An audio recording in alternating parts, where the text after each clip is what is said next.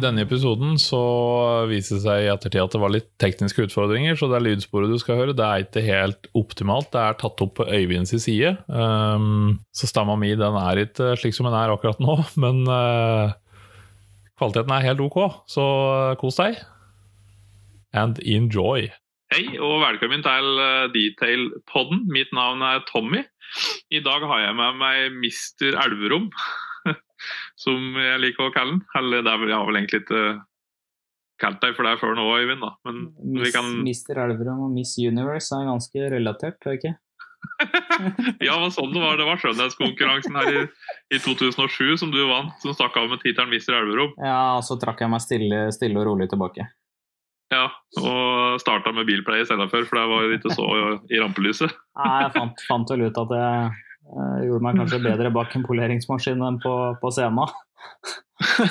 Men fra spøk til revolver, i dag uh, har jeg med meg Øyvind Bråten på um, uh, Jeg kan ikke si at vi sitter og ser på den, men vi er nå i kontakt over internettet. Vi er på trygg avstand. Med sosial avstand osv., så, videre, så syns jeg det var fint. Kan ikke du fortelle litt om det er jo sikkert, uh, som jeg sa i forrige episode, så dum, dum 20 som nå hører på, de kan jo hende lure på hvem du er. Så kan ikke du fortelle dem hvem du er, Øyvind? Ja, jeg kan jo ta den formelle med at jeg er eh, faktisk en mann i alder av 31. Eh, ikke gift, men jeg har barn og samboer. Ja.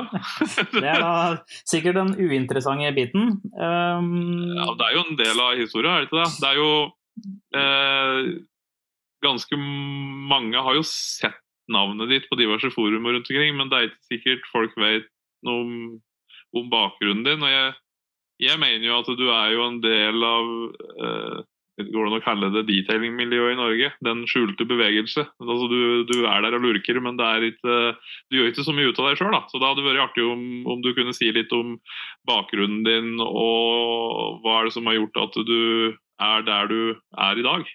Altså, jeg er jo over middels interessert i bilpleie, men kanskje like sjenert som jeg er interessert i bilpleie. Da. Det er sikkert derfor jeg ikke stikker meg så veldig fram.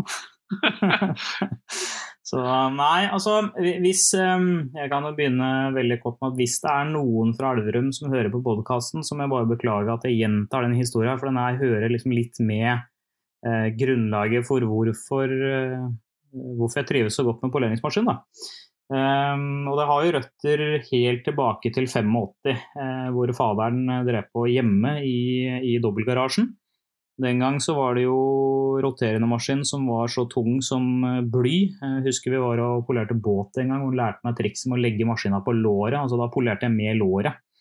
Men så. du sier 85, da var jo ikke du påtenkt? Nei, ikke da. Eh, altså, eh, på, på, den gangen, for jeg er jo, jeg er jo en 89-modell. Jeg, ja, ja. jeg, er jo strengt tatt nesten det beste 80-tallet hadde å by på. Alle barnesykdommer mm. var utelukka, og nyeste siste versjon. Nei, jeg fikk siste ladning med barnesykdommer, for jeg er født i 88. Så de gikk akkurat klar i 89. Ja, men da fikk vi fikk lurka til en del på 89, altså. Ja.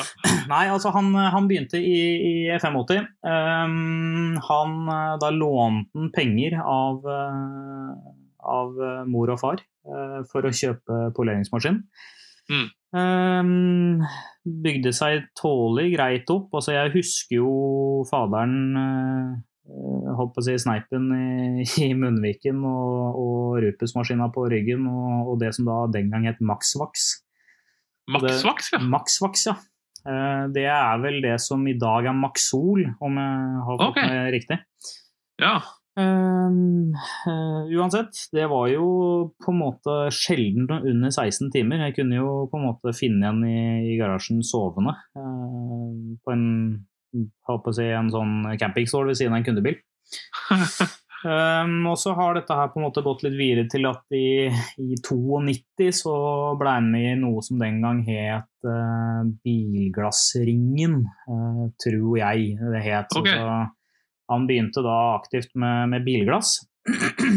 og så tok det på en måte mer og mer over, så bilpleie har for han i, i senere tid vært bare en sånn bigeskjeft som har vært med på en måte å holde fundamentet oppe. da.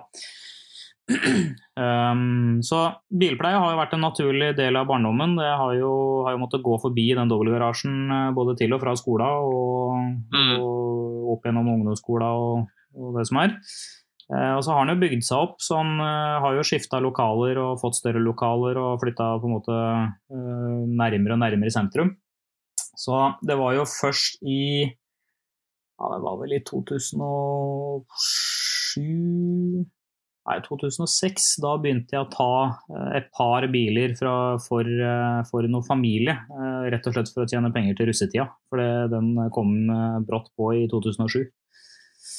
Mm. Eh, Og så det, tok det litt mer av der, og så fullførte jeg For da, da, var, da var egentlig tanken at jeg skulle bare gjøre meg ferdig på videregående, og så skulle jeg ta over familiefirmaet. Det var min tanke. Så enkelt. Men øh, faderen hadde en litt annen visjon, for han øh, syntes ikke at jeg skulle ha det noe enklere enn noen andre. Ehm, at det var for lettvint å komme og, og ta over.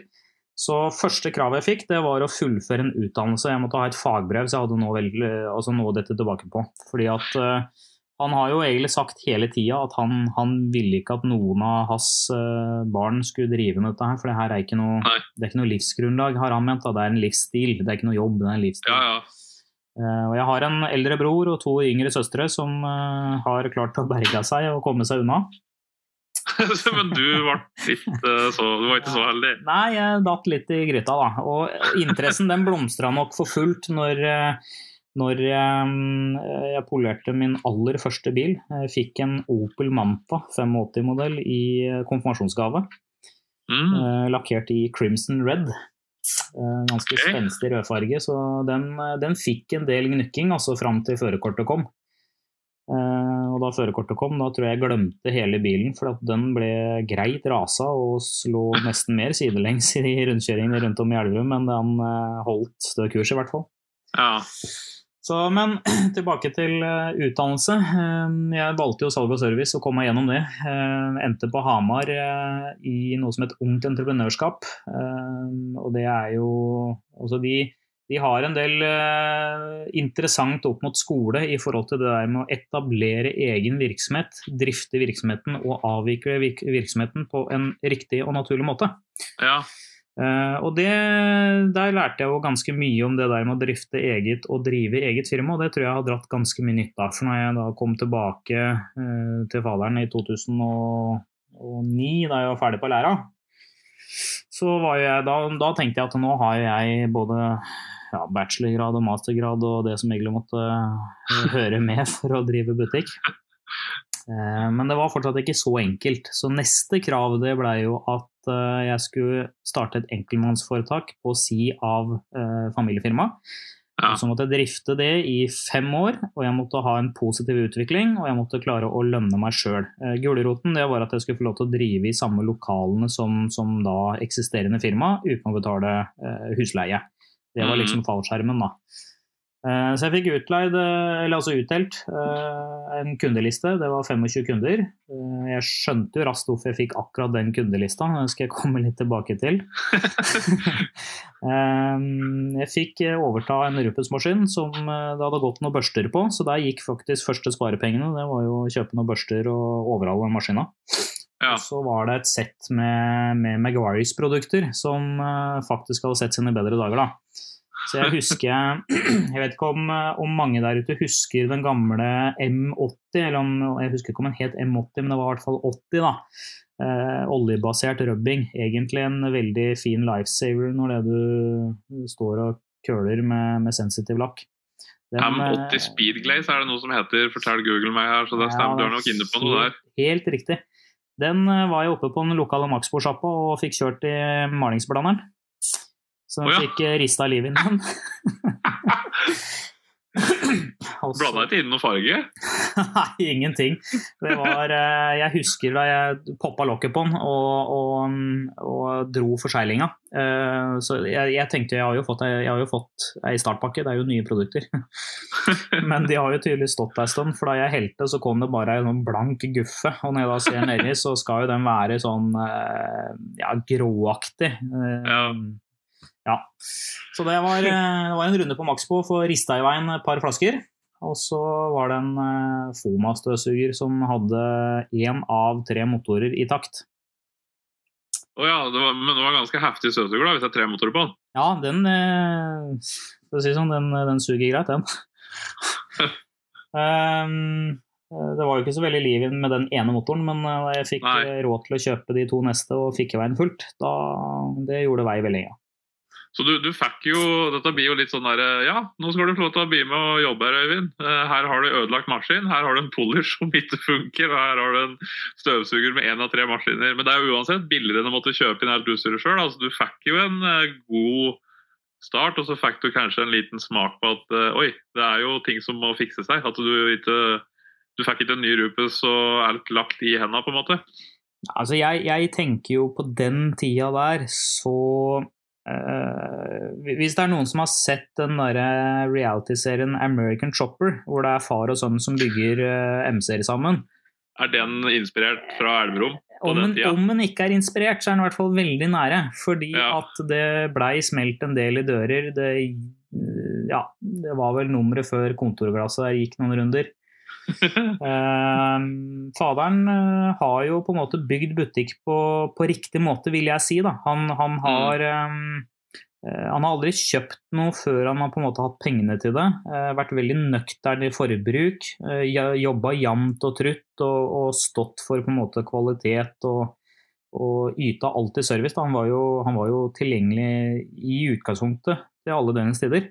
Mm. Um, så jeg var jo litt uenig i den måten, for jeg kom jo fra salg og service og hadde på en måte lært litt andre metoder å se på det der å drifte butikk på, og muligheten for å faktisk tørre å låne kapital for å skape mer kapital. Mm. Eh, og det var kanskje konflikten der som eh, gjorde at den første døra smalt. da. Mm. Eh, og sånn, sånn har det jo, gikk det jo egentlig slag i slag i da, de neste fem åra. Um, og den, den kundekretsen som jeg fikk uh, utdelt, da, det, det- var jo, altså det var jo ikke den kunden du ringte og sa at hei, du trenger en polish, uh, skal vi sette opp en time på tirsdag?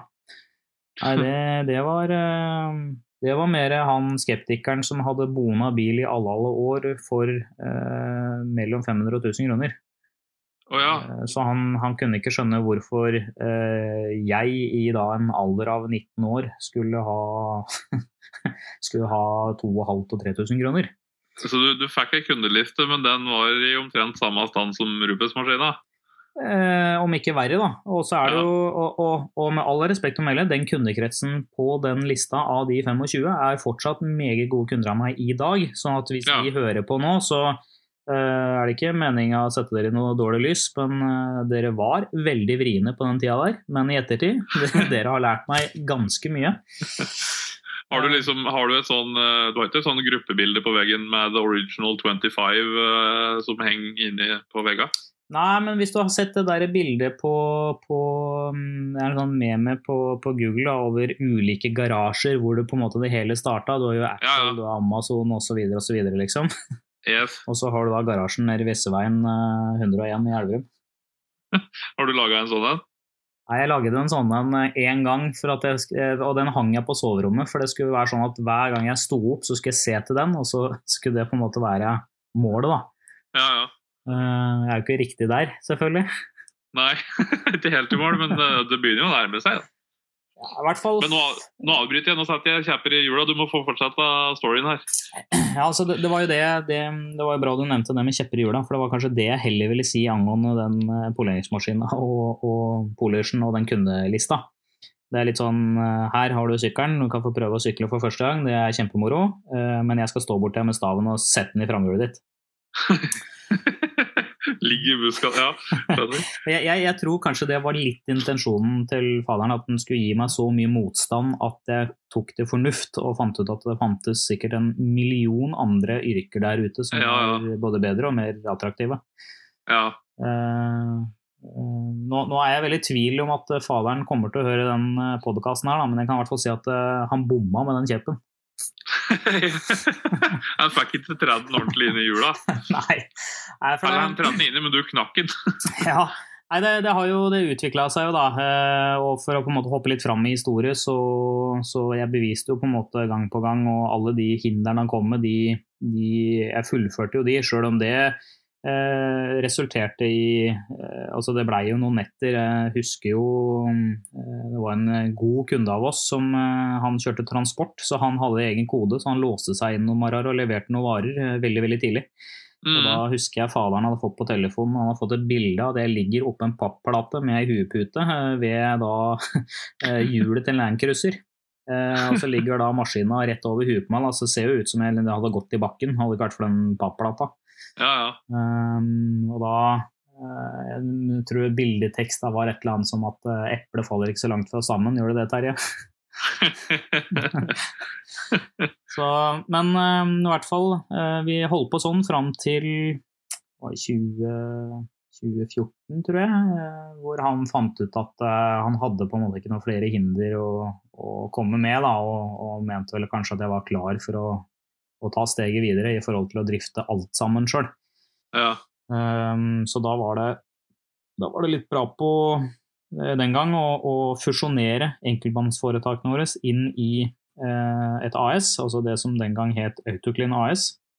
Mm. Um, og det var en liten kommers, da, fordi jeg trodde jo da igjen at jeg skulle få ta over geskjeften, og jeg hadde masse planer som jeg skulle fullbyrde, men eh, når vi hadde fusjonert dette her, så sitter jo jeg som, som daglig leder, men faderen sitter jo som styreleder.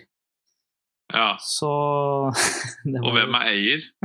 det var fortsatt eh, Terje Bråten. 100% 100 Ok, Som- ja da har du jo ikke veldig mye å stille opp med, egentlig. da. Nei, så eh, igjen da, eh, nok en veldig bra lekse å lært. Altså neste gang, Øyvind, les alltid det med liten skrift. Les gjennom før du skriver under på noe. Ja. Så, mm, men det gikk, det gikk ikke lenger enn fram til 2015, eh, for da, da begynte jeg å true litt med at eh, jeg kanskje skulle finne meg noe annet. Eh, Mm. Men da hadde jo han allerede brukt noen år på å innfinne seg at dette her var egentlig veldig greit. Eh, han er jo ikke så veldig glad i forandringer som blir sånn spontane. Så når jeg kom og sa at du, fra nyttår så kommer nok jeg til å være i en ny jobb. Og dette var vel i november, tror jeg. Eh, Mm. November 14. Eh, og så ble det en sånn liten treneringssak eh, gjennom jula hvor han ringte og lurte på om jeg ikke kunne skrive under på papirene, altså overdragelsen av aksjene. og det, det gjorde jeg jo ikke, så han ringte jo 29.12. i 14 og så sa at vet du, nå må du skrive under, for dette må være levert inn eh, 31.12. Eh, hvis ikke, så bare selger jeg butikken. Eh, for dette gidder jeg ikke. Og da begynte han å bli ganske provosert og ganske hissig, for jeg var jo oppstandig og tverr og sikkert 14 år i huet. Jeg skulle jo vise han et poeng. Eh, Altså, bare sånn liten For meg så høres det ut som at du har en far som egentlig har vilja deg det beste hele veien, men som er en litt vrang jævel. Og det minner meg jo om han som er med i den podkasten her nå. Så jeg tenker jo at er det flere med her nå? det er jo deg, da. Og, og det var meg, ja. Ja. Nei, altså, ja. Eh, faderen er jo som alle andre fedre. De, han har nok eh, ville meg absolutt det beste. Eh, og jeg tror nok at hvis han hadde gitt fra seg selskapet til, til meg i, eh, i 2009, sånn uten videre, så hadde, Mm. nok, hadde jeg nok ikke drevet eget i dag. Nei. Fordi det, er, det krever en del å drive egen bedrift, altså, i forhold til Det er jo oppfølging av skatt, det er moms, eh, det er innføring, altså regnskapsfører. Det er, det er, det er så mye man skal holde koll på. Da. og Hvis man da driver lite og aleine, så er det mye av dette her man ikke har råd til å sette bort. Mm, det er det. Og det byr jo på utfordringer, selvfølgelig. Mm. Så um, Nei, eh, det han ikke visste da, eh, 29.12.14, det var at jeg hadde jo bestemt meg for å ta over, men jeg tenkte jeg skulle tyne den så langt jeg kunne. Så eh, klok klokka 12.31.12 så ringte jeg regnskapsføreren og lurte på om hun bare kunne oversende meg papi- papirene, så skulle jeg kvittere og så sende i retur, så han kunne sende inn sånn at det var eh, datert da 31.12. Og da jeg kom på jobb, eh, det var vel om det var 3., 4. eller 5. januar da, i 15, så ble jeg møtt av en eh, relativt eh, hissig eh, Terje Bråten. For da hadde han bestemt seg for at nå skulle de høyere makter fra Ris Bilglass, da var vi, var jo vi en del av, og er fortsatt en del av. Da skulle han daglig lederen derifra komme nedover og se på butikken, for da skulle han kjøpe den. Ja. Ja, det tenkte jeg. Det, du kan da gjerne få lov til å selge noe som ikke er ditt, så jeg, jeg tyner det litt til. Og da, Det var akkurat ja, for enda så visste ikke far din Nei, han, han hadde jo ikke Altså han hadde jo ikke fått noe beskjed av regnskapsføreren, for hadde jeg avtalt litt på forhånd at nå, skal, nå skal jeg tyne han tilbake. For han har jo strengt Ja, ja. tyna meg i, i fem år. Ja, ja. Så akkurat den lille gleden her, den, den må jeg nesten få. Ehm, og da gikk det nesten på hengende håret til at uh, han daglig lederen i, i RIS eh, kom nedover fra, fra Trondheim, før jeg da uh, sa at du, um, du får ikke solgt noe som ikke er ditt. Og da, da var det akkurat som, som ansiktet skifta helt farge, og så kom spørsmålstegnet i hele ansiktet. Jeg lurer på hva, hva jeg egentlig mente, og da la jeg fram Brønnøysundpapirene, hvor jeg var da eh, 100 eier av Autoclean AS. da. ja. Så da, da skifta han farge, og skuldra sank litt. Og vi, akkurat det øyeblikket der så var vi litt mer far og sønn enn arbeidskollegaer. eh, og så gikk det vel ja, gikk det 14 dager da, før jeg kom ned med, med ny leiekontrakt på eh, lokalet som gikk eh, For det lokalet vi hadde, det var på 219 kvadratmeter. Ja. Da hadde jeg tegna ti pluss fem år leiekontrakt på nybygd lokale. Så, altså det var ikke bygd, men det skulle bygges etter mine mål. På da 554 kvadrat. ja. Og mm, jeg tror nå at om han ikke noen gang har besvimt i sitt liv, så var han i hvert fall farlig nære når jeg la fram den kontrakta. For det er klart at eh, leiekostnader, driftskostnader, alt dette her økte. Og når han spurte har, har du, har du regna på dette, her, har du, har du tenkt noe, liksom? Og jeg da svarer nei, jeg ser jo at vi har mye å gjøre, så vi må jo ha mer plass. Og det var liksom ikke noe mer enn det. Det var ikke noe godt svar, syns han. Nei, det var, var nok ikke et svar som beroliga, i hvert fall. Nei. Så, men eh, men jeg, jeg kan jo si nå at eh, har, vi har jo berga oss gjennom. Vi har jo hatt våre tøffe tider, vi òg. Og nå under koronatiden så har det vært tøft. Mm. Uh, Og så hører det jo til en, en såkalt ending på historie og en åpning av nye kapitler at jeg da i 2018 solgte firmaet. Ja.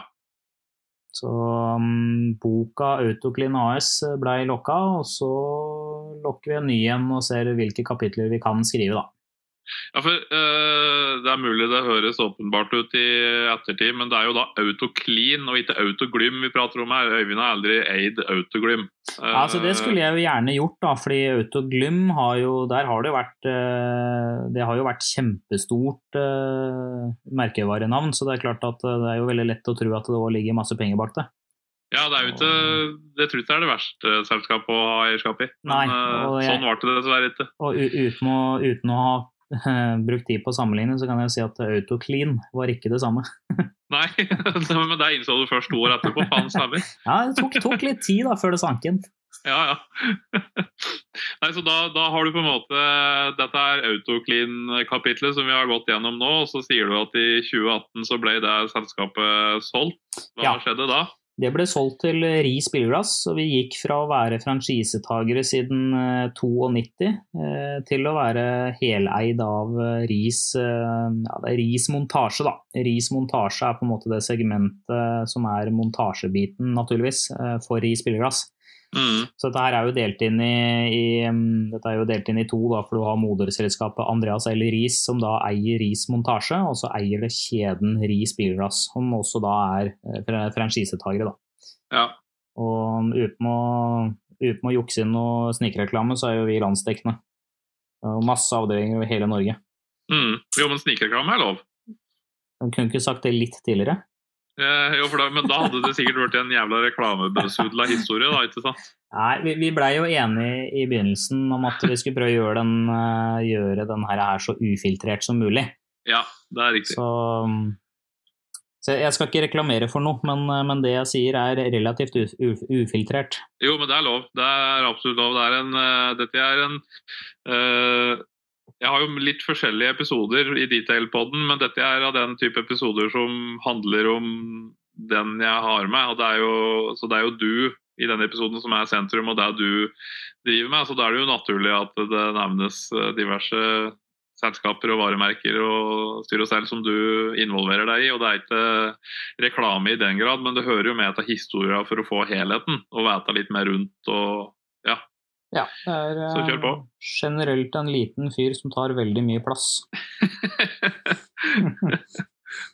det er stort hugge, da. Eller, altså, du er ikke så, sånn fysisk, men du har jo Det er ikke tomt oppi der. Altså det er klart, det, det blomstrer jo mye ideer, da. Eh, og jeg Mm. liker jo å løse problemer, eh, og spesielt som er relatert til det jeg interesserer meg for, som da i den settingen her er bilpleie. Så det er klart at det, det kommer jo masse ville ideer på hvordan man kan gjøre ting enklere, eller jobbe lettere, eller eh, ja. Og det, du har jo fått hørt noen av planene som jeg ikke har klart å holde tilbake, Tommy. Du har jo fått hørt noen av ideene, og mange av dem er jo de er jo litt halsbrekkende, de er jo det. Jo, men, men eh, du, du må jo ha mange gode Altså, du får ikke til noe uten å ha noen ideer. Så en plass må det starte. Ja. Jeg er helt enig. Um, enig i den eh, var jo, og den, den har jeg jo klart å blåse greit liv i. For det, det var jo tanken om å gjøre eh, vask av bil til en enkel, men morsom ting for eh, den vanlige mannen i gata. Mm. Mhm. og når, når jeg da sier vanlig mann i gata, så det er jo ikke for å kategorisere noe, men det er jo de som på en måte ønsker seg ren bil på en enkel måte uten at de trenger å sette seg så fryktelig mye inn i bransjen. Ja. Eh, eller å investere flerfoldig tusen i, i utstyr. Eh, og der har da Verksmann selvvask oppstått. Da. Eh, Jeg har bygd fire innendørs selvvaskehaller eh, på samme område som, som jeg på en måte har drevet i Autoklin. Og der er jo konseptet at det skal være litt annerledes enn en typisk bensinstasjonhall, som man er veldig vant til fra før av. Mhm. Eh, og det, det, er en, det er et konsept som til stadighet er, er under utvikling. Da. Så jeg kommer jo alltid på nye nisjer, nye, ja, nye ideer som jeg kan implementere for å gjøre det til en totalopplevelse. Mm. Og så kan man jo sitte og tenke at ja, vaske bil, hvordan gjør man det til en opplevelse? Altså Man skal jo man skal spille litt så på vann på bilen for å få den rein, og så skal man reise igjen. Men, Jo, men jeg, eh, jeg tror nok mange av dem som hører på den podkasten her nå, skjønner jo hvorfor det er en litt mer omstendelig prosess enn å ha på soppespilla og reise igjen. Altså det, er jo en, det er jo en mer omstendelig prosess, eh, men samtidig så er det jo fryktelig moro. Altså Gå Ja, fra ja. møkkete bil til rein bil, det, det er jo som å dra på seg nytt undertøy. Da. Ja, det er ikke noe du gjør hver dag. Nei, jeg gjør det ikke før det begynner å klø. Nei, for da er, det så, da er det så stor forskjell at da er det verdt det, på en måte. Ja, du, ja da får du den godfølelsen. Yes. Men, men sånn for å bryte inn litt der, du sier verksmann selvvask. Er det, jo, eh, det er jo noe som heter verksmann, og åssen er det eh, på tidslinja, åssen er det verksmann og verksmann selvvask plasseres? Hva kom først? Ja, høna eller egget. Ehm, eh, det var jo verksmann i sin helhet som kom først. Eh, og det er et resultat av ehm, Hvis jeg skal hoppe litt tilbake i tid da, for å gi en litt rask innføring så um, blei jeg introdusert til Ceramic Pro. Altså, de var vel de som var først på det europeiske markedet eh, ved siden av Modesta når det kom til keramiske coatinger. Eh, og dette er jo, nå er vi tilbake til 2011 og 2012. Sånn at da, da fantes det jo ikke noe forbrukercoating, altså som man kunne kjøpe og legge på sin egen bil. Eh, og det ble introdusert av, av Jan Werner Andersen og Iver Svardal. Eh, Dukka litt sånn eh, overraskende på på døra, for Jan Werner han eh, har jobba i Maguires tidligere. Så Ja, i Norsk Prol? Ja, I Norsk Prol, ja. Ja. Så han, han har jo kjørt varer til faderen før jeg kom inn i bildet. Å ja. Og så når jeg kom inn i bildet, så var han eh, Da jobba jo han litt i Norsk Prol, så han har jo Jeg, jeg husker jo ikke dette her, men han har jo, han har jo hukommelse som et eh, museumsarkiv. Så han, han husker jo den unge jyplingen jeg var, altså besserwisseren ut av eh, en annen verden. Mm. Jeg hadde jo lest på nett at Maguires-produktet var kjempedyrt, og det var masse filler i det, og det var kjempedårlig. Ja. Og da var det jo sånn, selvfølgelig. Ja, ja. Ehm, Men eh, etter litt demoer og testing og prøving med Werner og en litt mer inngående forklaring i, i de ulike produktene, så har jeg i hvert fall lært meg at jeg skal aldri dømme et produkt uten at jeg testa det sjøl. Og jeg skal i hvert fall ikke dømme det ut ifra hva andre mener. Nei. Det høres fornuftig ut. Eh, Det har i hvert fall vist seg å være veldig fornuftig. Men uansett, vi, vi, vi dreiv på med Ceramic Pro i ja, halvannet, to år. Eh, Så det var, var, var, det, sier du, var det Iver og Jan Werner som begynte å ta inn Ceramic Pro? Ja, det var, eh, det var Iver eh, Svardal og Sigurd Dons som, tok, eller som hadde agenturet på Ceramic Pro eh, på den tida okay. der. Ok. Um, to kjempedyktige karer. Um, Iver er av kaliberet som mest sannsynlig kan selge deg sand fra Sahara når du står i sandkassa. Ja. Uh, og, og Sigurd er uh, megadyktig på alt som går på uh, altså det visuelle, da. Det der med media, logo, markedsføring, altså eh, nettsider. Altså få det her til å være en rød tråd og sømløst. Mm. Um, og så hadde du Werner som, hadde, altså som var egentlig litt Frankenstein da, på produktet. Han kunne Ja. produktet og hadde interesse for produktet, men, uh, men han er jo litt sånn der sju tommeltotter bak det tekniske. Ja. Uh, han skulle jo kanskje helst hatt en Doro-telefon, men av ren stolthet så har han lært seg iPhone. Jo, men du får vel en sånn eh, Du får sikkert en sånn app eller et eller annet som gjør at du kan få Doro-utseende på iPhone. Altså du får store knapper og sånne ting. Kanskje vi skulle foreslått det for den? Jeg lurer på det. Nei, vi, I hvert fall eh, under tida med, med Keramik Pro så eh, lærte vi masse eh, fallgruver. Altså det, det tok eh, masse det tok masse tid å applisere på lakk. Det var trått, det var vanskelig, det var sensitivt for både luftfuktighet og, og temperaturer. Mm. Eh, underlaget var det veldig sensitivt for. Eh, og spesielt herover, da, hvor vi er eh, altså i hvert fall Enkelte av bygdene rundt om i Elverum har veldig eh, høyt innhold av kalk i vannet hvis de har brønnvann. Og vi vet jo alle hva, hva kalkinnholdet vann gjør på en bil hvis man ikke tørker den. Lager et helvete. Ja, og da kan jeg si at på Ceramic Pro den gang, da, så var det helvete av helvete. Ja. Um, det har jo ja, for det er jo vært en av de store ankepunktene ved coating, at det er trøblete med, med waterspots eller vannflekker. Ja, uh, og, og det, var, det var et veldig problem den gang. fordi at når vi begynte med det, så hadde vi så lite inngående kunnskap om, om uh, effekten i ettertid. Da. Altså, Werner Ja. visste jo veldig godt hva, hva produktet bestod av, og hva det på en måte teoretisk skulle gjøre.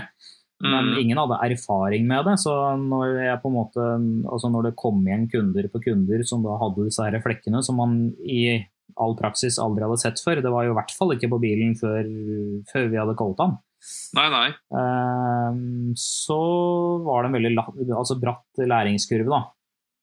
Og så husker jeg at ehm, jeg hadde en svart, altså tett svart Suburban, eh, spredt ny i Det var vel seint 2012. eh, Ja, det er ikke den store bilen. Nei, hvis du setter meg ved siden av, så får du litt andre perspektiver på den bilen. Og da kan du tenke deg kvadratmeter eh, Altså, det blir jo coate en container, egentlig. Ja. Eh, og når du da har et lokale hvor du ikke Altså, ikke, ikke visste jeg at, at, han, altså at coatinga var så sensitiv til luftfuktighet eller temperatur. Men ikke Nei. hadde jeg lokaler hvor jeg kunne påvirke disse faktorene uansett. Sånn at eh, det her var jo strengt tatt litt dømt til å gå skikkelig skeis. Mm. Um, og når jeg da på en måte hadde Jeg slutta å telle timer på den bilen når jeg hadde passert 50 timer. Og det, det har ingenting med at det var en sånn fulldetail, kjempebra jobb helt ut i spissene og showcar detail. Uh, der hadde jeg rett og slett træla opp igjen og opp igjen og egentlig bare skikkelig hassle. Ja. Uh, og det var da vi fant ut at vi, må finne andre uh, metoder på å applisere coating på som er uh, mer tidsbesparende. Ja. Og da kom vi i kontakt med, med Kim Svensson i Sverige. Eh, Det er vel egentlig Sveriges svar på ADHD, eh, og kanskje litt lik meg i forhold til ideer og, og det å på en måte ha noe gående hele tida.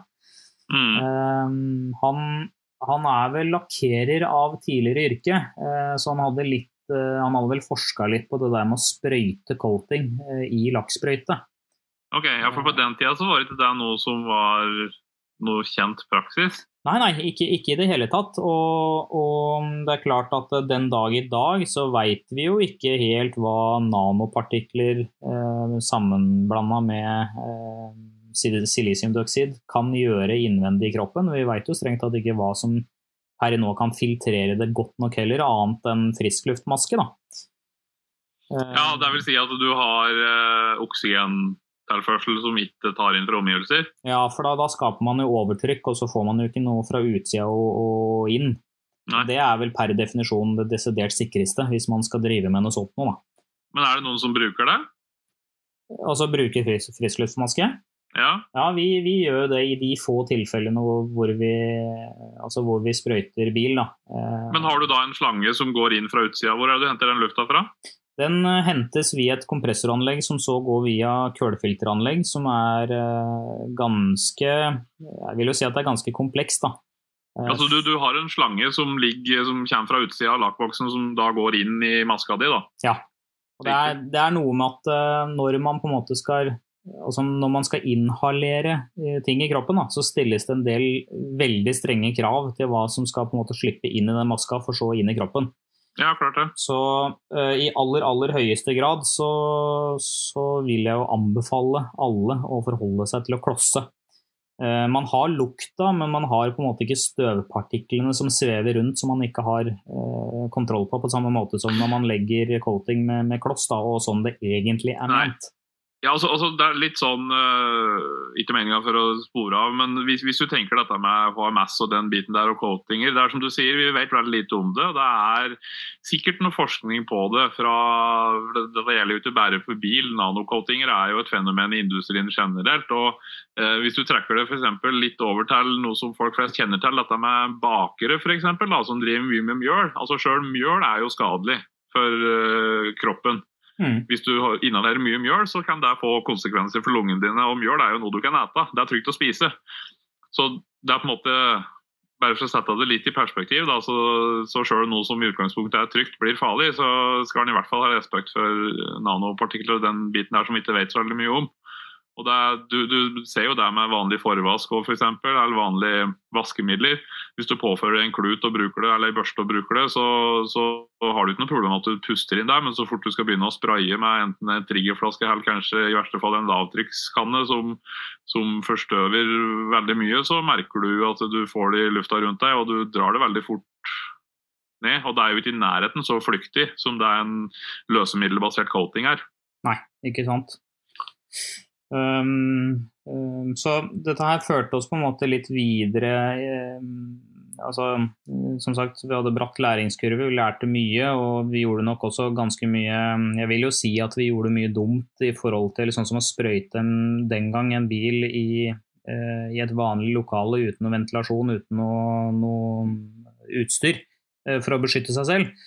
Men det mm. var jo den gang ren skjær dumhet. altså man, man, visste bare ikke bedre. og Ja, det lukta litt sterkt, men man hadde jo en oppfatning at det som lukter litt sterkt, det funker jo. Det eh, er i hvert fall det folk eh, er innbefatta med. Men det trenger i dag ikke å være nødvendigvis eh, sånn, da. Det er jo masse, masse miljøvennlige produkter eller vannbaserte produkter som, som, i dag er kjempegode. Fordi at teknologien utvikler seg jo. Det er jo hvordan man, man bygger opp et produkt. Det er jo helt annerledes nå enn det var for ti år siden. Mm.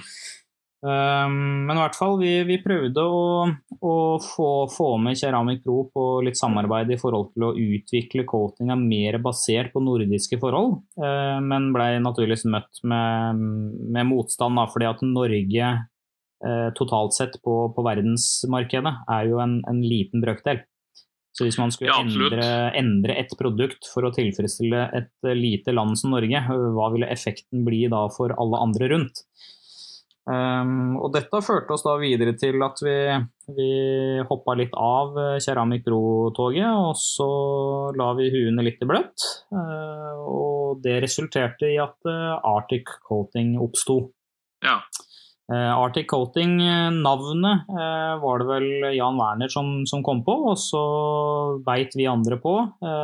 Iver har jo gjorde en fantastisk jobb i forhold til uh, lanseringsvideo. Uh, det med å på en måte sette ting i system. Um, hvilke leverandører skal vi bruke, hva, hva, er det vi egentlig skal lage? Sigurd komponerte jo alt dette her sånn at det, det, så veldig bra ut og hang på greip.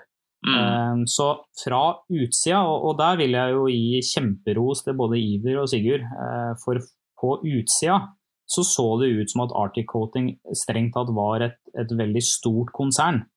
Eh, Ja. altså Hvis man ser den, den lanseringsvideoen vår, eh, så, så tenker man jo med en gang at eh, her er det brukt eh, mangfoldig tusen. Eh, Mm. og og det, er, det, altså det, det er en lanseringsvideo jeg jeg er veldig stolt av, uh, sjøl om jeg akkurat den ikke var delaktig. Uh, men så var, var det jo, var jo mange andre rundt oss som var delaktige i den videoen. Um, og det, det gjorde at da hadde vi på en måte tett kontakt opp mot uh, ulike fabrikker og kunne begynne å stille litt mer krav, sjøl om vi var veldig små. Da. Uh, og vi kom med et litt annet tankesett enn enn, enn det de var vant til. Mm. Eh, Som gjorde at uh, interessen for å være med på den ballen her, da, eh, og, og være med på å uh, fintune produkter uh, for primært norske, norske miljø, blussa opp. Så vi endte jo opp med, med, en, med en fabrikk med, med kjempehyggelige folk, kjempeålreite kjemikere. Eh, De sto jo på, skikkelig på pinne. Eh, Fikk Mm. jo Altså det, det, det blei en eh, det, det blei et aktivt år der for å teste og feile og prøve og så er det litt sånn at det som eh, Jeg var i hvert fall bestemt på det at det som er teoretisk oppgitt, eh, det velger jeg å se bort ifra, for jeg, jeg vil se det med egne øyne. Mm.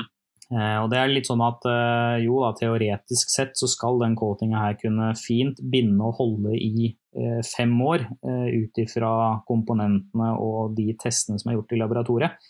Men så veit vi alle at eh, norske miljø er jo fryktelig hardt og, og ikke veldig snilt mot, eh, mot bilen. Mm. Um, så det var jo mange av de produktene i starten som rett og slett bare døde første vinteren. Så vi har jo skrinlagt mange formler som eh, ikke var noe å bygge videre på. Um, eh, og så satsa, satsa Iver eh, videre på å bygge et nettverk i, eh, i USA, eh, og det det blomstra jo greit opp. Har jo, altså det er jo noen der borte som, eh, som holder fortet på og bygger med stødige byggeklosser. Mm. Eh, Men så kommer på en måte alle prosjekter til en veis ende hvor man på en måte møter litt ulike synspunkter og man kanskje ønsker litt annerledes. Da. Eh, Som gjorde at eh, eh, dette var litt forbundet med, med salget, av, eh, salget av Autoclean. Ja. Eh, og eh, jeg hadde jo på en måte ja, Det er jo ikke noe hemmelighet at jeg, jeg sleit jo litt på, på hjemmefronten i forhold til at jeg har brukt masse masse tid på, på dette her. Og kanskje prioritert feil også, kan man mene mye rart om. Mm. Eh, men det blei i hvert fall det ble endinga på visa for min del for, for Arctic Coating, sånn at jeg trakk meg litt stille og rolig ut derifra, for det var egentlig oppe å gå og gikk på stødige føtter. Ja. Eh, og følte at jeg hadde gjort den innsatsen jeg kunne bidra med.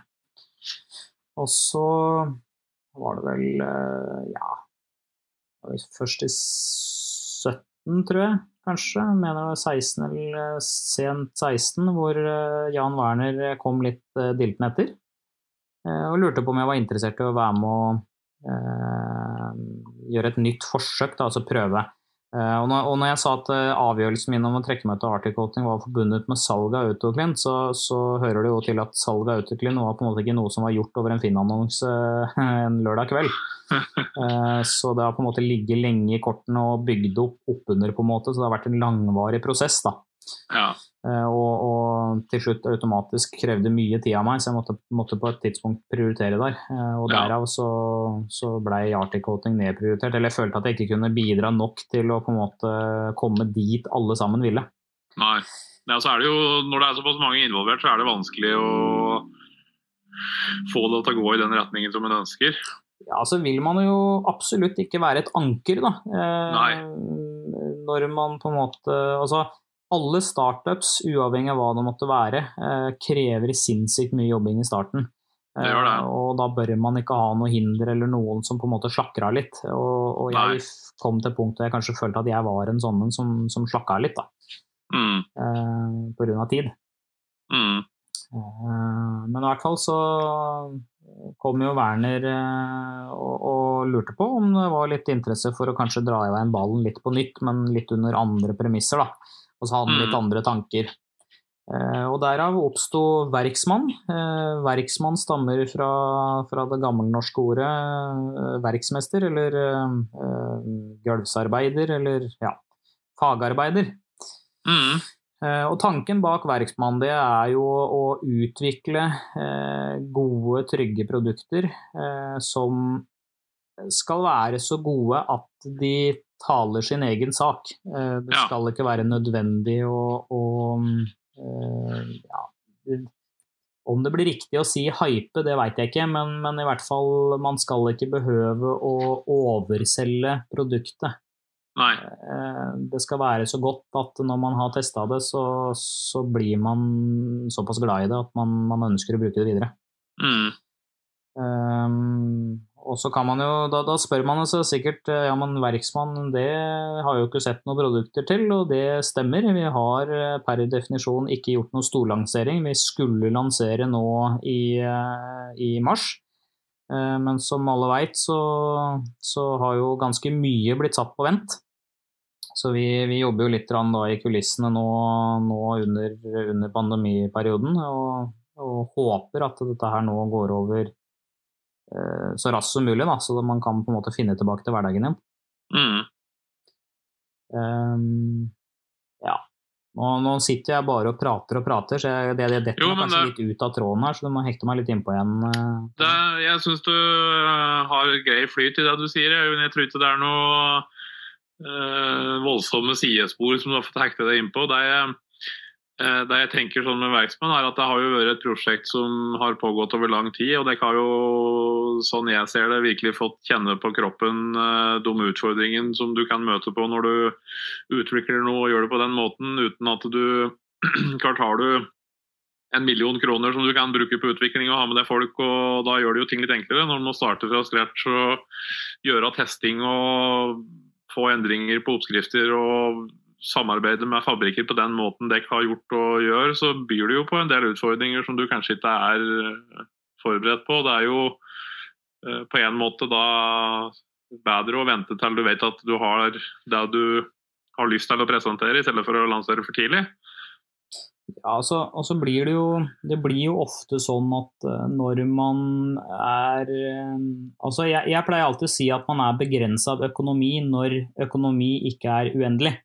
Mm. Uh, og det gjelder i aller høyeste grad dette her også. Vi, vi har jobba under eh, eh, ordna forhold og på en måte litt stramme tøyler.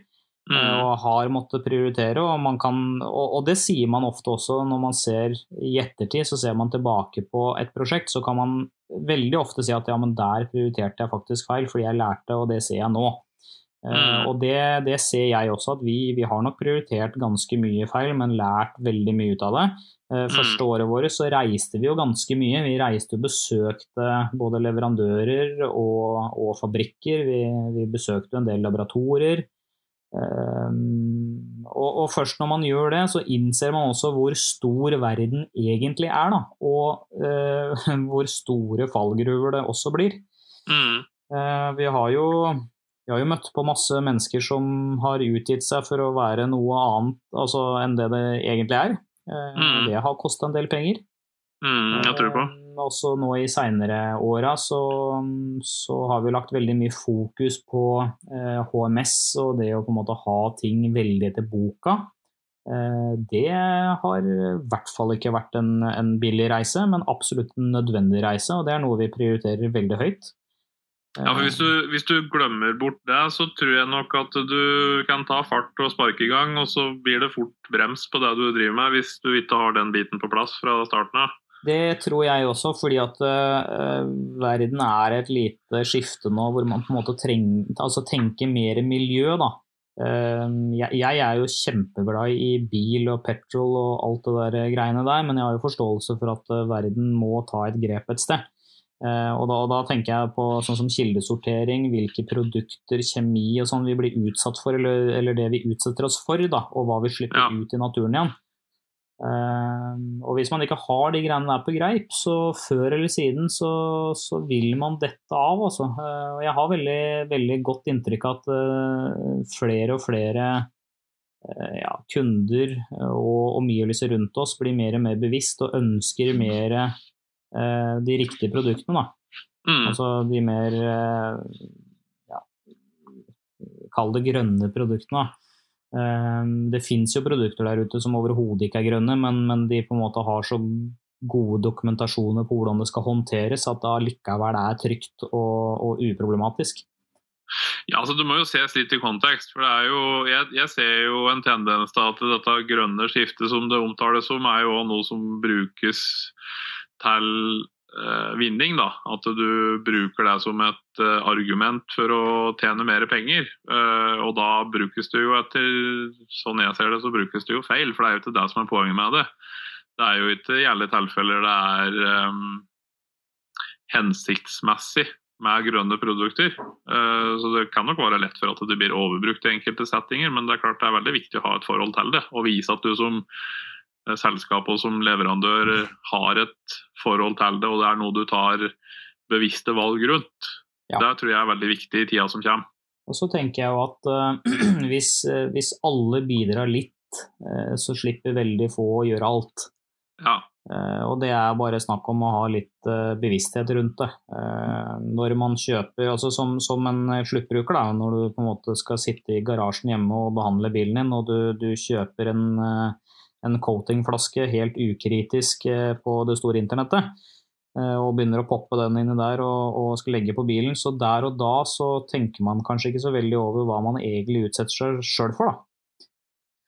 Um, Det er jo masse eksempler på eh, coatinger som ikke er veldig bra helsemessig, som selges til en veldig billig penge over internett, som ikke legger noen restriksjoner på hvem som får kjøpe og hvem som får bruke. Mm. Eh, og det er, jo, det er jo sånne tilfeller der som, som, vi, eh, altså som, vi, som vi må passe oss for, da. Ja, helt klart. Og det er jo er det en type Nå er vi jo litt inne i dette med coatinger, og det er, jo, det er jo sikkert noe vi kunne hatt en egen episode med, eh, eller om coatinger spesifikt.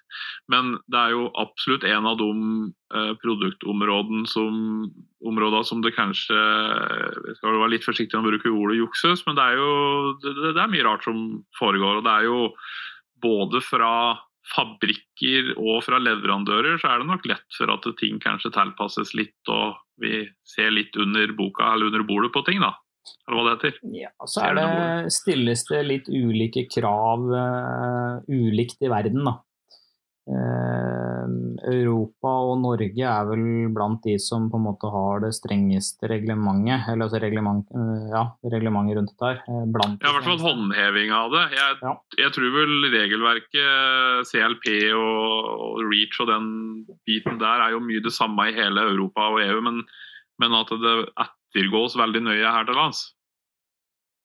Det, ja, altså, altså her så håndhever man det veldig, veldig sterkt, men så kommer man til andre land som det på en måte ikke håndheves så veldig mye, og så får man Mm. det på en måte gjennom en, en sendingsprosess og tollprosess, og så ender man opp med et produkt i, i, hjemme i garasjen da, som kanskje nødvendigvis ikke hadde vært veldig populær og solgt eh, på det norske markedet. Mm. Så, men, men eh, som du sier, dette her eh, i forhold til coatinger og HMS og sånn, det er jo noe vi strengt tatt kunne prata om i, i all evighet og Ja. egen, eh, egen episode om. Ja, det er et stort felt.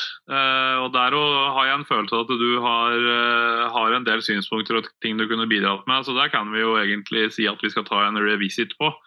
Men da som en Nå har jeg ikke helt bestemt meg for inndelinga her, men dette blir jo Jeg har tenkt jeg skal dele opp Detailpodden detailpoden i litt forskjellige segmenter ettersom hva slags type uh, podkast det er. Så det, konseptet som er her nå med med at du forteller din historie og hvordan du har havna der du er. Der blir nok en egen underserie, på en måte. Og så kan vi godt eh, Jeg kan godt eh, lage til en nerde nerdetype episode òg, som f.eks. kan gå mer i dybden på disse tinga med coatinger og HMS og kanskje mer generelt kjemi og, og litt sånne ting. da. Så det, det kunne være artig. Ja, det, og det, det fins jo, jo mennesker der ute som gladelig eh, informerer om sånne ting eh, i en Mm. sånn setting. da. Mm. For det handler jo nettopp om det, og det å få ut riktig informasjon som ikke kan mistolkes. Ja. Eh, Og, og jeg, jeg skal ikke skryte på meg at jeg kan mye av det inngående eh, fagmessig rundt HMS, men jeg har nå på en måte en formening basert på erfaring hva man kanskje ikke burde gjøre, og hva man burde tenke seg om på. Ja. Um, Men rent det teknisk og forståelsen rundt hvorfor, hva og hvordan, eh, finnes det jo masse ålreite mennesker som, som fint kan klare å forklare. Da. Ja. Men da eh, Nå er vi øh, Hvor langt eh, Skal vi se, jeg detter litt av sjøl, ja, men du da var vi jo på Arctic Coating, og så hoppa jeg etter hvert over på Verksmann. og Da vi jo, begynner vi å nærme oss eh, 2020. og På et eller annet tidspunkt her, så, som, som vi eh, gikk vidt, du gikk så vidt inn på tidligere, så var det dette med Verksmann sjølvask. Jeg spurte hva var det som kom først av Verksmann og Verksmann sjølvask. Og da, nå nærmer vi oss vel det veiskillet, litt av veiskillet, men den forgreininga. Ja, altså, det, jeg, jeg, jeg, kasta ut en sånn litt morsom en i stad med, med hva som kom først av høna og egget. og Det var Ja. en sånn der man kan diskutere i, i det vide og det brede, og dette blei litt en sånn greie, da. Altså, det, det Jo, jo, en men det er bra, det. med. Eh, men, men da, for å svare deg kort på det spørsmålet, så var det jo Verksmann som kom først. Ja. Eh, og Grunnen til at det heter Verksmann selvvask, det er jo ene og alene fordi at eh, jeg ønsker å skape en litt synergieffekt på det, en litt sånn eh, rød tråd. Eh, og kanskje samle alt, altså alle prosjekter litt un, inn under det samme, da. Mm. Sånn at det ikke hadde heta f.eks. Øyvinds eh, bilvask og eh, eh, lakk, og, lakk og kjemi her borte. Ja. Det kunne jo sikkert funka, det er Øyvinds bilvask. Jeg, tror- jeg tror ikke det. Jeg er, eh, jeg er- veldig fornøyd med konseptet Verksmann selvvask. eh, Ja. Og brukt eh, veldig masse tid eh, når vi åpna nå 6. mars i år. Så jeg har brukt kjempegod tid på, på rett og slett eh, det å lytte til kunder. Altså de som er og bruker anlegget, det er på en måte de som, som har noe de skulle sagt. da. Eh, om jeg har en formening om hva drømmeanlegget mitt er, så hjelper jo ikke det hvis, eh, hvis de som skal bruke anlegget, ikke klarer å bruke det, eller forstår hvordan de skal bruke det. Nei. Har du noen form for systematisk datainnsamling på den biten der? Eh, Per nå så har jeg ikke det annet enn det å være ute og prate med, med mennesker. Da. Eh, Spørre, eh, rådgi, være til stede.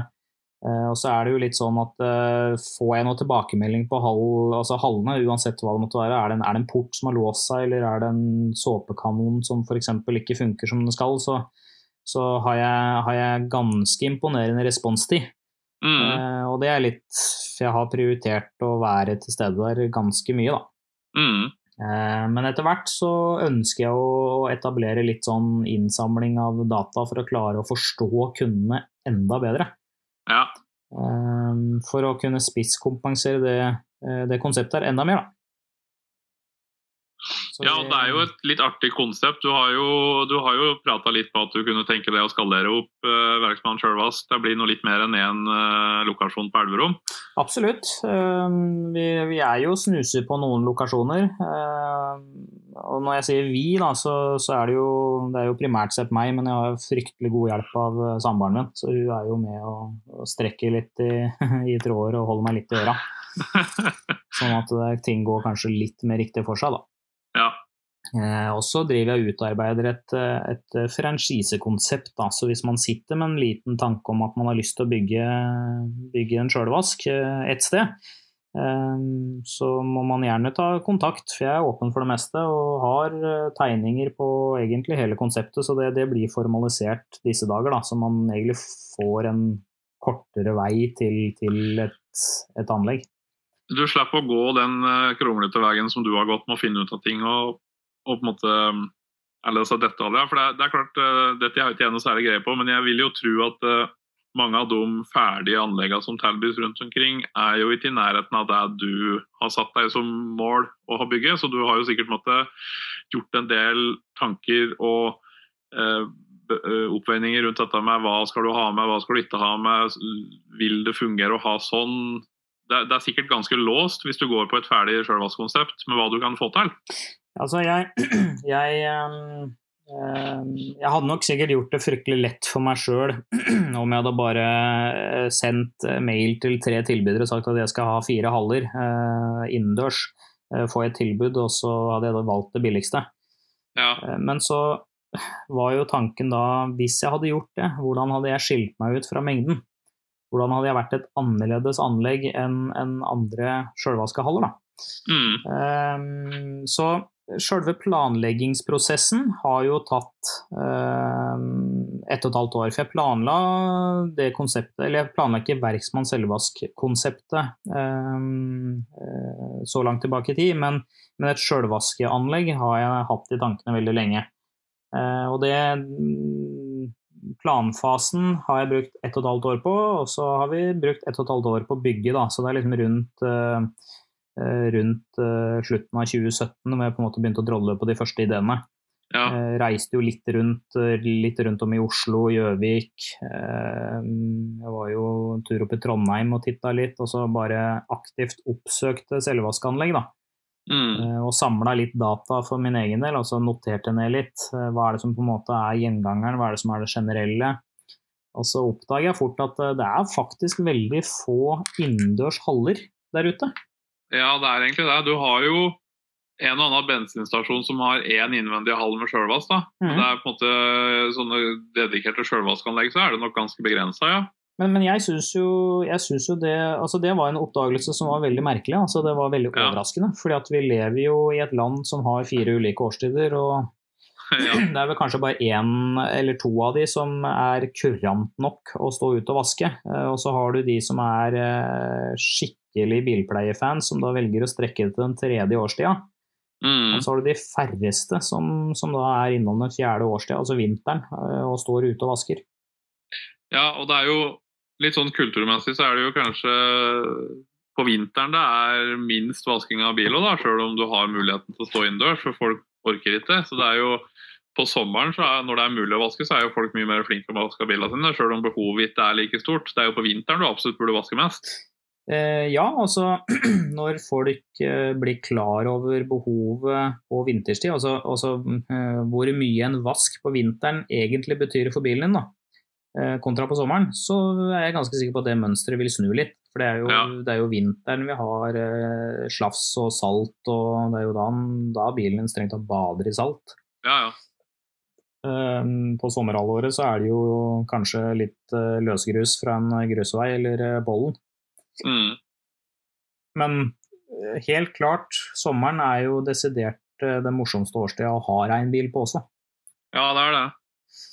Så ja, nei, det, det, har, det, har, det har krevd sin tid, tid og, og kompetanse. Og, altså, jeg hadde jo ikke sånn kjempeinngående kompetanse når jeg starta og skulle bygge en selvvaskehall. Fordi eh, vi, hadde jo, vi hadde jo steamer og såpelegger og sånn eh, på, på Autoclean.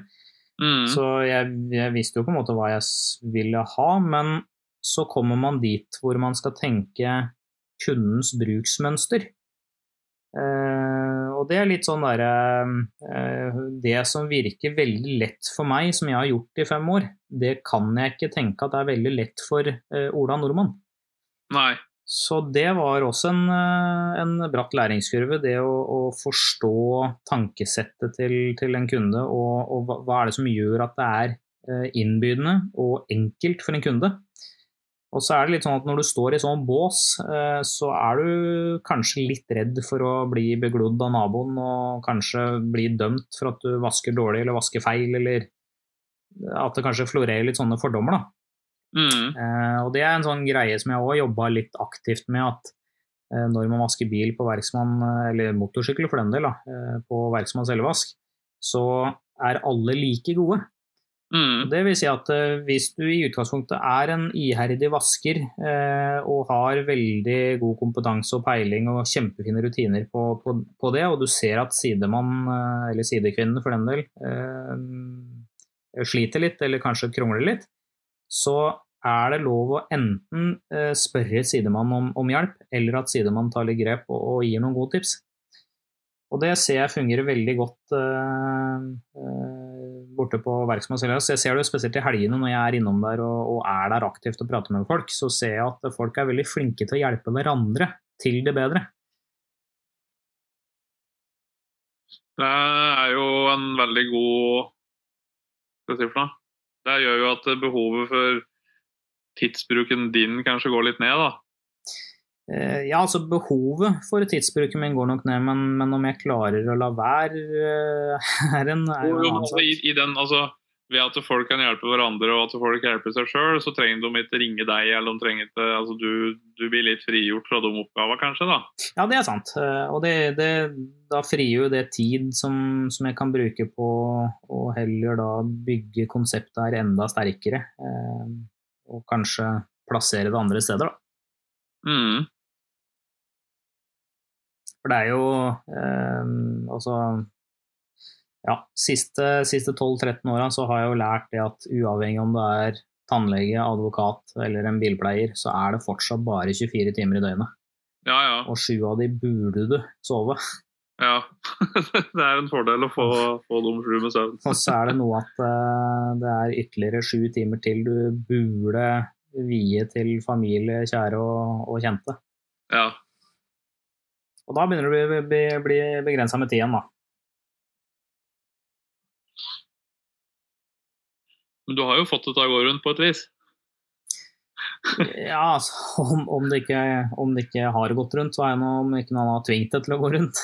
Ja, du har sikkert kommet inn i en rytme på det nå. Det er jo eh, Jeg kjenner jo til dette med den tids... eh, Ja, kall det begrensning. Tida er jo en av de eneste tingene vi ikke får igjen. Og det er jo det som er den begrensa ressursen du har når du driver bedrift. Mm.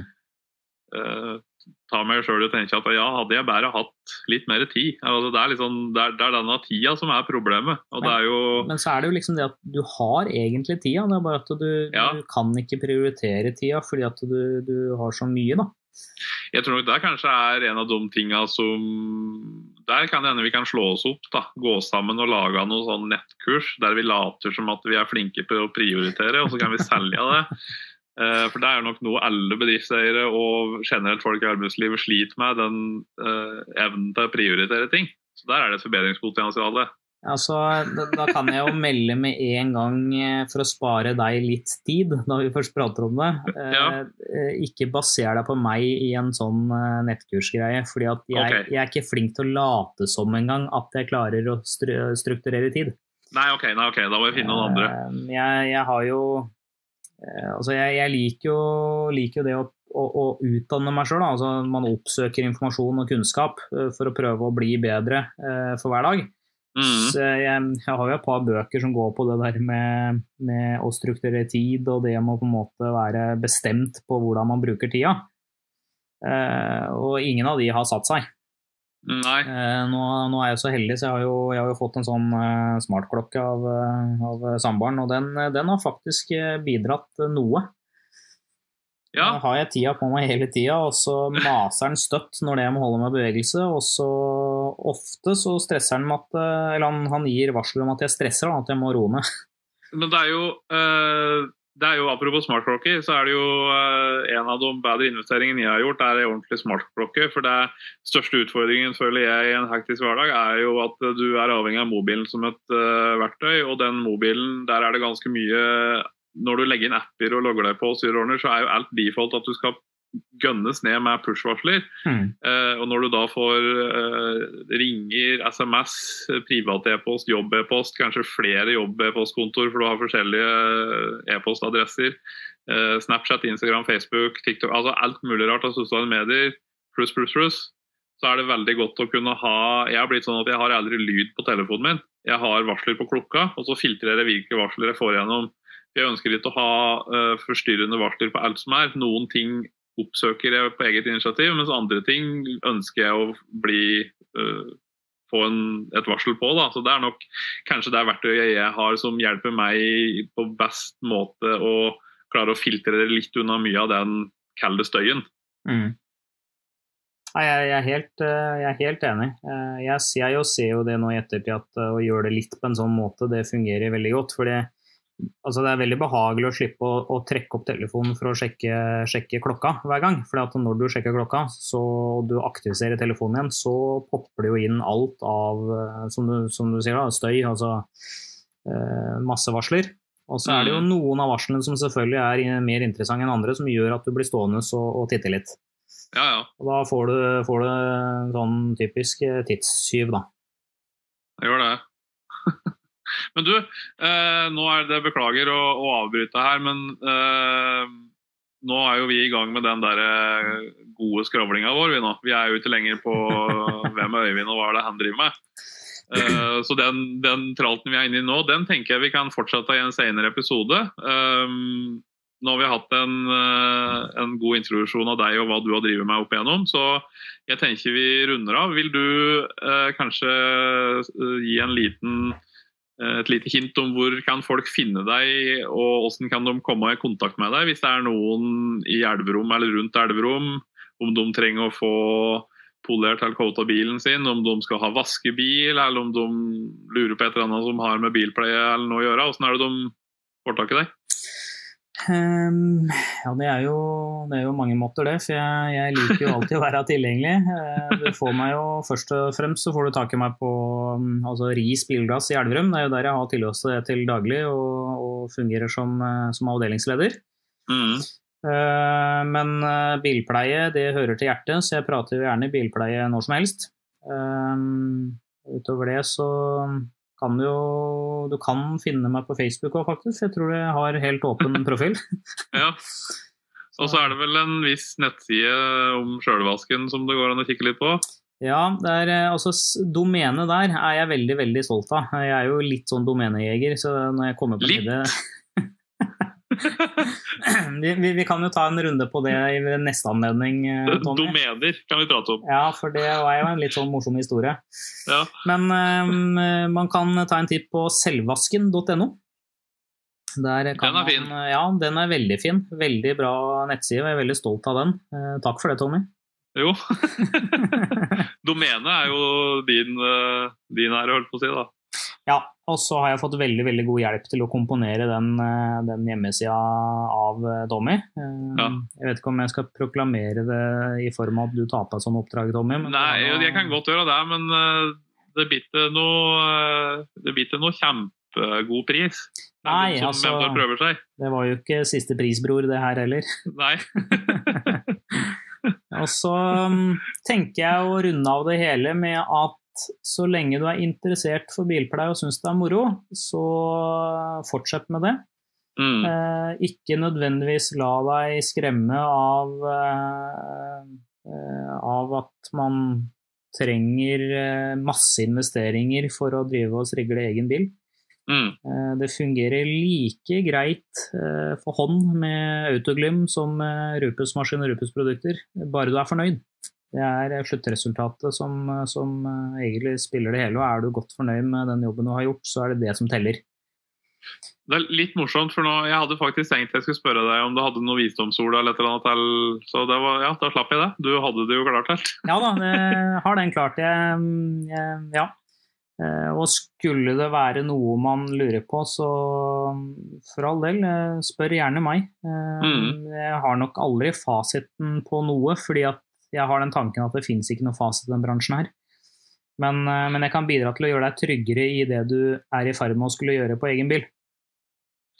Ja, og så er det jo Du har jo mange års erfaring, så det, er, det, er, det har en stor verdi, tenker jeg, de tinga du kan. Så det er jo det å sende Øyvind en e-post eller et eller annet, det, det, kan være et godt alternativ hvis det er noe du lurer på. Ja, og så kan jeg da avslutte det hele for å følge en rød tråd på det med å si at uh, min far hadde nok veldig rett. Det her er ikke nødvendigvis uh, et yrke, det er en livsstil. Nei, ja, det er jeg helt enig med deg. Det er, eh, uten at jeg har møtt far din, så har han rett i det han sier der. ja, han skal få rett til den. Så jeg håper at han ikke ja. hører den podkasten her, for han blir litt kjip å ha med øra når han har rett. Å ja, men du, jeg tar og klipper bort det siste her, jeg, da. ja, du, skal, du, skal, få slippe det. Jeg skal, jeg skal, stå for at det her var ufiltrert. Så det her er eh, genuine Øyvind Bråten. Vær så god. Ja, Så bra.